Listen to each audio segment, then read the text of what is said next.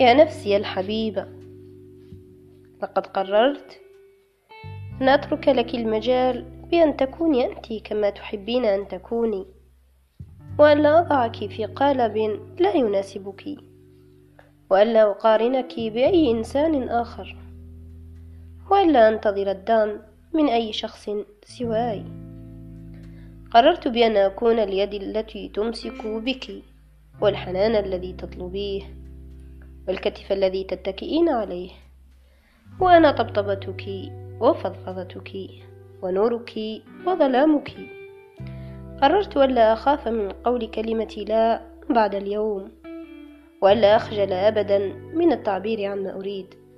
ببساطة قررت بأن أكون أنا وأنا الحب.